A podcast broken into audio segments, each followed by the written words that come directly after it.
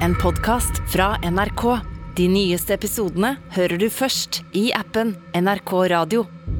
Guns are dangerous, but it's what an individual does with one that makes it that way. It doesn't matter what law you put in place. People are going Yeah. to break the law. Våpenlovene i USA splitter befolkninga. Gun violence does not discriminate. It happens everywhere and all the time because you, Congress, nothing to prevent it. Og mens det stadig kommer nyheter om masseskytinger, Since the elementary school massacre in Uvalde, Texas, there have been 33 mass shootings across America. kommer det også krav om strengere lover. Why in God's name should an ordinary citizen be able to purchase an assault weapon that holds 30 round magazines that let mass shooters fire hundreds of bullets in a matter of minutes? Men våpentilhengerne har en mektig aktør i ryggen.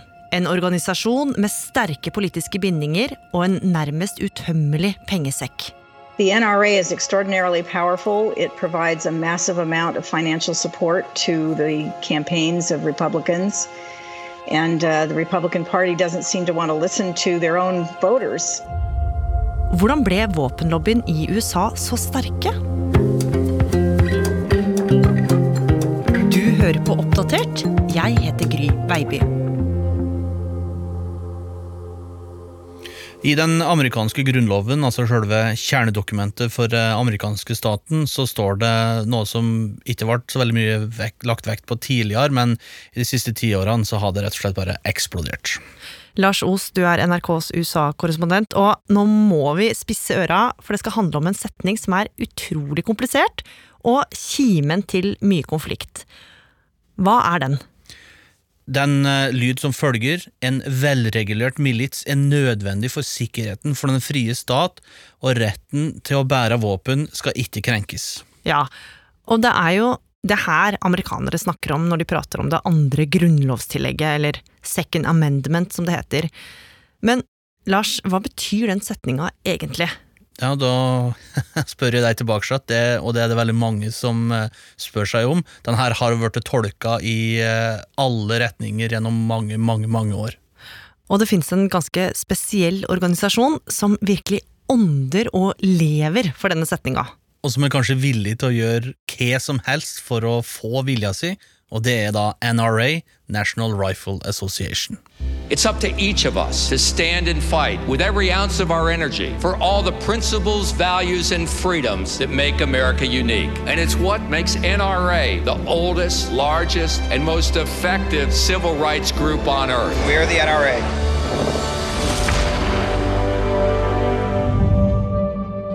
NRA de har vært lenge USAs kanskje mektigste politiske organisasjon.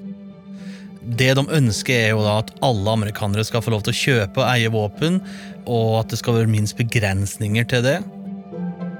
De har såpass mye makt at de i praksis kan styre og bestemme over lovendringene som har med våpen å gjøre, eh, og de pøser penger inn i hele det politiske systemet, og mange mener også da at det rett og slett blir brukt skitne metoder.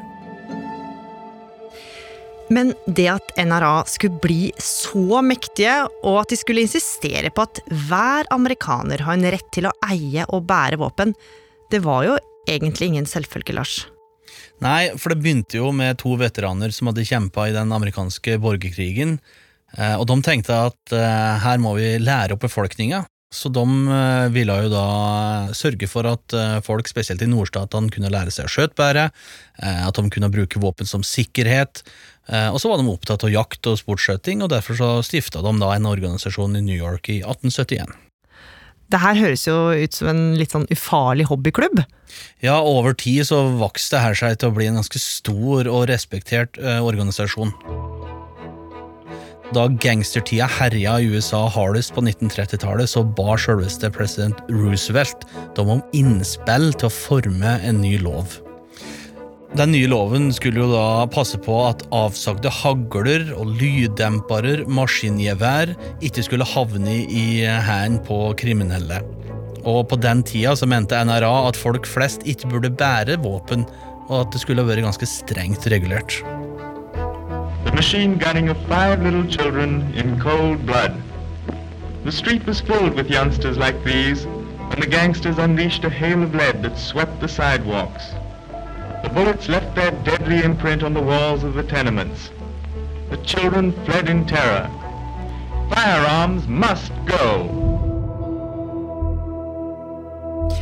Så NRA starta som en organisasjon som samarbeida med staten, og som jobba for strengere regler for kjøp og eie av våpen.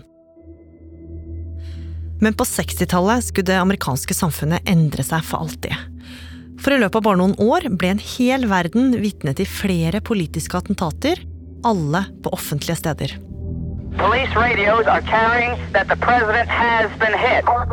Først ble presidenten, John F. Kennedy, skutt i en åpen bil. President Kennedy died at 1 p.m. Central Standard Time. Seinere viste det seg at våpenet var blitt kjøpt via postordre. Some very sad news for all of you, and that is that Martin Luther King uh, was shot and was killed tonight in Memphis. Og noen år seinere ble borgerrettighetsforkjemperen Martin Luther King skutt på en balkong. Seinere samme år skulle det skje igjen. Not only Senator Kennedy, oh my God. Senator Kennedy has been shot.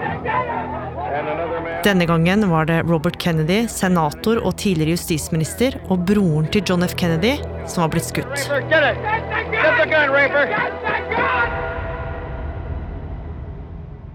Men det var mer som skremte folk på den tida, Lars. Ja, for på sommertida så ble eh, Black Panthers ganske stor, og det var et politisk parti der eh, formålet deres var å kjempe imot politibrutalitet. På den tida her så kom det ganske mange svarte, unge amerikanere tilbake fra Vietnamkrigen og andre konflikter. De havna i gettoer, der politiet spesielt var ganske brutal mot eh, innbyggerne. Så de samla seg for å forsvare seg da mot eh, politiet. Og det her stamma da først og fremst ifra Oakland og San Francisco, men spredde seg til andre store byer. We use the uh, Black Panther as our symbol because of the nature of a panther. Panther doesn't strike anyone, but if the aggressor continues, then he'll strike out. Og det hele toppa seg i 1967. Am I under arrest? Am I under arrest? Place him under arrest. Da okkuperte tungt bevæpna medlemmer med svarte skinnjakker og solbriller bygget til delstatsforsamlinga i California. The uh, California Penal Code Section 12020 through 12027, and also the Second Amendment of the Constitution guarantees the citizen a right to bear arms on public property. Og denne ganske ekstreme gruppa den setta en stor støkk i politikerne, og FBI-sjefen mente de var den største trusselen for USAs innenrikssikkerhet. Black Panthers de kjempa med nebb og klø for retten til å bære våpen offentlig, og de var da de aller første som brukte denne setninga fra Grunnloven som et argument for retten til å bære våpen når som helst, på åpen gate. Og med alt det som skjedde i samfunnet med attentater, bevegelser som Black Panthers og generelt mye uro, så var det mange som tok til orde for å stramme inn våpenlovene. Noe også NRA støtta. Ja, helt vanlige folk og politikere de var jo da veldig bekymra, og folk eh, følte seg kanskje mer usikre enn før. Og rasismen, vi skal ikke glemme det, den var jo fortsatt veldig sterk i landet. Sammen med mange politikere fra begge sider støtta organisasjonen et forbud mot å bære ladde våpen offentlig hvis man ikke hadde tillatelse. Men politikerne de ville stramme inn mer. Ja, altså Kriminaliteten og drapsratene de var jo fremdeles ganske høy, og nå skulle de behandle en stor lovpakke som het Gun Control Act. The Gun Control Act of 1968, just passed by the Congress and signed into law by the President, Det var ei pakke som hadde mange lovforslag, og en av dem var at eh, det ikke skulle være lov til å selge våpen til kriminelle og rusmisbrukere, og generelt folk som var psykisk syke. Og det her med salg av uh, våpen via posten, det òg skulle bli forbudt. Today we begin to disarm the criminal and the careless and the insane. And all of our people who are deeply concerned in this country about law and order should hail this day. Og selv om det var stor enighet om å stramme inn våpenlovene, så var det ett forslag som skulle skape stor splid. Nemlig forslaget om et nasjonalt våpenregister, altså at politiet skulle ha oversikt over hvem som eide hvilke våpen. Og det vil jo bety at folk må ta lisens for å eie dem. Og dette siste forslaget, Lars, det likte jo ikke NRA, de, de begynte å kjempe imot politisk. Det ble altfor komplisert for medlemmene, som drev for det meste med jakt og sportsskjøting, så NRA klarte da med all sin makt og innflytelse å få stoppa det siste strenge lovforslaget. Og med det så ble det tydelig for alle hvor sterk denne organisasjonen hadde blitt. Og presidenten, Lyndon B. Johnson, som hadde jobba hardt for et våpenregister, han var rasende og tok et oppgjør med NRA, som han mente hadde blitt for mektige. If guns are to be kept out of the hands of the criminal, and out of the hands of the insane, and out of the hands of the irresponsible, then we must have registration in this country. The voices that blocked these safeguards were not the voices of an aroused nation. They were the voices of a powerful lobby, a gun lobby, that has prevailed for the moment in an election year. For hans forgjenger og partifelle hadde blitt skutt, og på det tidspunktet her så fantes det 160 millioner våpen i USA, altså flere våpen enn det fantes familier. Og president Johnson han sa at de som hadde hindra loven ifra å gå gjennom, de representerte ikke nasjonen, men en våpenorganisasjon. Og de neste åra så skjedde det en rekke ting som gjorde at NRA begynte å jobbe mer målretta for det de mente var amerikanernes grunnlovfesta rettigheter. Ja, og det hele begynte med at et viktig medlem i NRA ble skutten under en våpenrazzia. Og det førte til at det gode forholdet til myndighetene i over 100 år rakna fullstendig. Så nå tok organisasjonen et stort skritt, de ble partipolitisk, kanskje mer ekstrem, og mannen som leda denne gruppa, Harlan Carter, han var en konservativ advokat fra Texas. We will stand together, strong, dedicated for is right. Han kuppa NRAs årsmøte i 1977 og ville at de skulle bli enda hardere. Og Da bestemte NRA at de alltid skulle gå imot alle former for våpenrestriksjoner. De skulle kjempe og lobbe hardt for rettighetene til våpeneierne, og det gjorde de ved å vise til denne grunnlovsteksten vi har snakka om tidligere. Thanks to you, the members and supporters of NRA, no national gun law has passed this year. Harlan Carter was voted back in command. The vote gave warning to gun control advocates in Congress that the hardliners were back in charge of the NRA.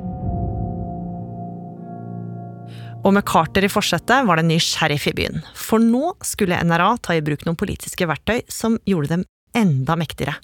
Ja, for de begynte å bruke mye, mye penger på å smøre politikere og jobbe bak lukka dører. Altså god gammeldags lobbyvirksomhet. Ja, og de kasta penger etter politikerne, og de ga dem støtte til valgkampanjer, de sikra seg mange politiske støttespillere, og til og med presidenter har vært NRA-medlemmer. Og så hadde de en annet effektivt verktøy, karakterboka. Karakterbok? Ja, altså de gir karakterer til politikere. altså Hvis eh, de er veldig for våpenlover, så får de en A, eller kanskje A pluss. Eh, og hvis de er veldig imot det, så er det rett og slett stryk. Og på den måten så fikk de full kontroll over politikerne, for du kunne se hvem som var for og hvem som var imot, og NRA-medlemmene kunne da stemme deretter. Så nå fortalte NRA flere millioner medlemmer hvilke politikere som var mest våpenvennlige. Og den neste tida fikk de og mange av støttespillerne deres mange politiske oppturer. The NRA believes that America's laws were made to be obeyed and that our constitutional liberties are just as important today as 200 years ago. The Constitution does not say that government shall decree the right to keep and bear arms. The Constitution says the right of the people to keep and bear arms shall not be infringed. For hver gang demokrater prøvde å stramme inn våpenlovene, så opplevde NRA et medlemsbyks. Og i årevis debatterte politikerne våpenlovene heftig. Hele tida med NRA pustende i nakken. Men en aprildag i 1999 skjedde det noe som gjorde at flere skulle ta stilling til om våpenlovene var for liberale. Rett før klokka 11 går to maskerte gutter med hver sin lange frakk inn i Columbine High School. Med et helt arsenal av våpen skyter de alle de ser på ferden fra kantina i første etasje til skolebiblioteket i etasjen over. I over en time vandrer de to rundt på skolen. Med helikoptre kretsende over bygget og TV-kameraer som filmer fra utsida, gjemmer skrekkslagne medelever seg bak velta pulter eller inne på doer. If you are just joining us, two young men apparently dressed in long black trench coats opened fire uh, at a high school just outside of Denver in Littleton, Colorado. We're being kept far away. The building off in the distance is still sealed off. As you said, the bodies have not yet been removed. A total of For den hendelsen her, den satt jo en kjempestøkk i det amerikanske folket, for de fikk jo servert skjøtinga direkte på TV. killers. Investigators say this attack appears to have been carefully planned for a long time. Og nå bestemte NRA seg for å bruke en helt spesiell mediestrategi. Først og fremst så uttrykka de sin sorg offentlig, dermed så venta de i noen dager før de eh, forsøkte å endre på mediebildet. Ja, hvordan gjorde de det? Det gikk ut på å skylde på alt annet enn at våpen i seg sjøl var problemet. For eksempel så sa de at Hollywood-filmer, musikkartister og videospill det avla vold, at ondskap ikke kan stoppes av lovverket, og så sa de gang på gang at en god person med et våpen er bedre enn en ond person med våpen. Og på den årlige NRA-kongressen i 2000 gikk tidligere skuespiller og leder Charlton Heston opp på talerstolen. Med ei rifle i hånda gjorde han det tydelig at han aldri kom til å gi fra seg retten til å bære våpen. So, as uh, we set out to defeat the divisive forces that would take freedom away, I want to say those fighting words from my cold, dead hands. Og folk elska det her, for NRA var i vinden, og de hadde klistremerker på bilene sine med sitatet og da logoen til NRA. Mm. Og det var jo tydelig at de traff en nerve i det amerikanske folk, nemlig det retten til å eie eget våpen. Og det var heller ikke uvanlig å se julekort der en hel familie poserte med hvert sitt våpen foran et pynta tre. Ja, altså Våpenet ble jo på en måte allemannseie. Det ble helt normalt å bære det skjult på kroppen i offentligheten, og det ble rett og slett bare sosialt akseptert da, å ha et våpen klar til enhver tid. Men selv om mange såkalt gode folk hadde skytevåpen på innerlomma, kom det stadig meldinger om masseskytinger gjennom 2000-tallet. Først skal vi til Minnesota i USA, der en 17-åring skjøt ni personer i dag. The school shooting at Red Lake High School, 10 people died, including the student gunman. At least 30 people believed to be killed on the campus of Virginia Tech University. The deadly shooting at an elementary school in Newtown, Connecticut, the Sandy Hook School, and it is turning out to be worse than anyone could have imagined. Samtidig ble NRA stadig større. I 2013 nærma de seg fem millioner medlemmer, og de fortsatte å hamre inn budskapet om viktigheten av våpen. Our founding fathers knew that without the Second Amendment and that freedom, all of our freedoms could be in jeopardy. If you aren't free to protect yourself, when government puts its thumb on that freedom, then you aren't free at all. Og det her sa de òg da etter skoleskjøtinga på Sandy Hook Elementary i 2012. Ei barneskole i Connecticut der 26 mennesker ble drept, altså de fleste da unger på seks og sju år. Men så skjedde det òg andre ting, for flere konspirasjonsteorier begynte å vokse fram. Det var enkelte som mente at amerikanske myndigheter sto bak skoleskjøtinger for at de kunne få stramme inn våpenloven. Det var folk som mente at hele greia var iscenesetta, og at det aldri skjedde. Og at eh, de som ble skutt, rett og slett var skuespillere.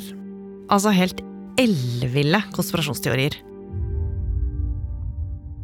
Men våpendebatten den rulla videre, og alle så på NRA som en ugjennomtrengelig maktfaktor. Ikke bare var de med på å diktere politikken ved å pøse på med millioner av dollar i amerikanske valgkamper, de hadde også mektige støttespillere. Men så, Lars, skulle NRA møte skikkelig motstand, og denne gangen kom det fra innsida. Ja, For noen år siden så begynte myndighetene å snuse til regnskapet til NRA, og de la merke til at det gikk ifra et stort overskudd i 2015 til et dundrende underskudd noen år siden. Og det så litt rart ut. Da ville statsadvokaten i New York se nærmere på det, og etter 18 måneder med granskning så valgte da statsadvokaten å gå til et søksmål mot NRA. The NRA's influence has been so powerful that the organization went unchecked for decades, while top executives funneled millions into their own pockets. For these years of fraud and misconduct, we are seeking an order to dissolve the NRA in its entirety. De mente at lederen i NRA, Wayne LaPierre, han hadde rett og slett tatt for seg. Han har brukt flere millioner dollar av organisasjonens penger på rett og slett private ting. NRA skal ha betalt for sminkør og frisørregninger for eh, kona hans. Han skulle ofte ha vært på Bahamas på NRAs lommebok. Han skulle ha hatt en personlig reisekonsulent som har betalt den flere millioner dollar. Og ikke nok med det, han skal òg ha sikra seg ei pensjonsavtale på 150 millioner dollar. Og nå ønska statsadvokaten å bruke det her til å rive NRA opp i fillebiter juridisk, rett og slett med å slå dem konkurs. NRA sa at det ikke stemte, og omtalte det hele som en svertekampanje. The NRA fired back, calling the lawsuit baseless, as well as a transparent attempt to score political points in the 2020 election. Og nå i mai var det duka for NRAs årsmøte i Texas, der framtida til ledelsen skulle avgjøres. Men bare dager før åpninga så skjedde det nok en skoleskyting. Another mass shooting in America. This is the deadliest school shooting since the Stoneman Douglas High School shooting in Parkland, Florida in 2018. My heart was broke today. Our hearts and thoughts and prayers are with all our families as we go through this, this day and days to come. I Uvalde, Texas, så tok en 18-åring seg inn på ei barneskole. Han drepte 19 unger og to lærere. Så det var en av de største skolemassakrene i moderne tid i landet. Samtidig så samla NRA seg i Houston, bare noen timers kjøretur ifra Uvalde, og det var knytta stor spenning til hvordan NRA ville reagere. Men her sto tidligere president Donald Trump og Texas-senator Ted Cruz på talerstolen og repeterte de samme sitatene fra NRA, at våpen, og spesielt det våpenet som ble brukt på skoleskjøtinga, ikke var problemet. Og hele denne debatten overskygga da problemene i ledelsen i NRA, for de fikk sitte sjøl om de var anklaga for underslag. Ja, men det at det kom nok en skoleskyting omtrent samtidig med NRAs årsmøte, det førte til en ny og hard diskusjon i USA. Flere gikk ut og krevde strengere våpenlover. What are we doing? There have been more mass shootings than days in the year. Our kids are living in fear every single time they set foot in a classroom because they think they're going to be next. What are we doing? We are being held hostage by 50 senators in Washington who refuse to even put it to a vote, despite what we, the American people, want. They won't vote on it because they want to hold on to their own power. It's pathetic. I've had enough. We need responsible gun ownership. Responsible gun ownership. We need background checks. We need to raise the minimum age to purchase an AR 15 rifle to 21.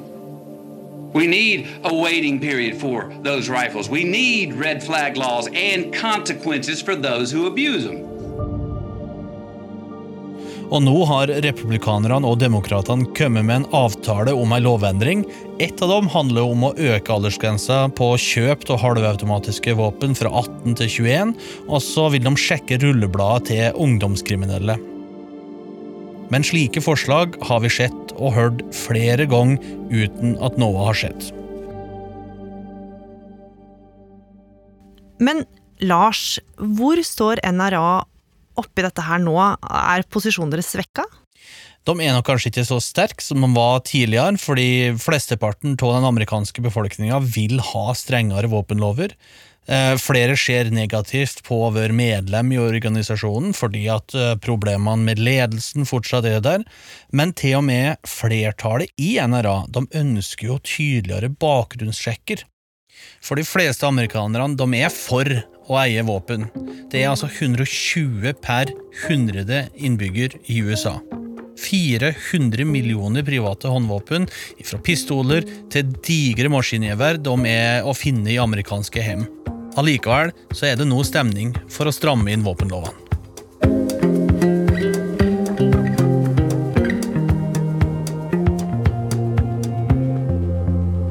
Oppdatert er en podkast fra NRK Nyheter, og denne episoden er laga av Kaja Kirsebom.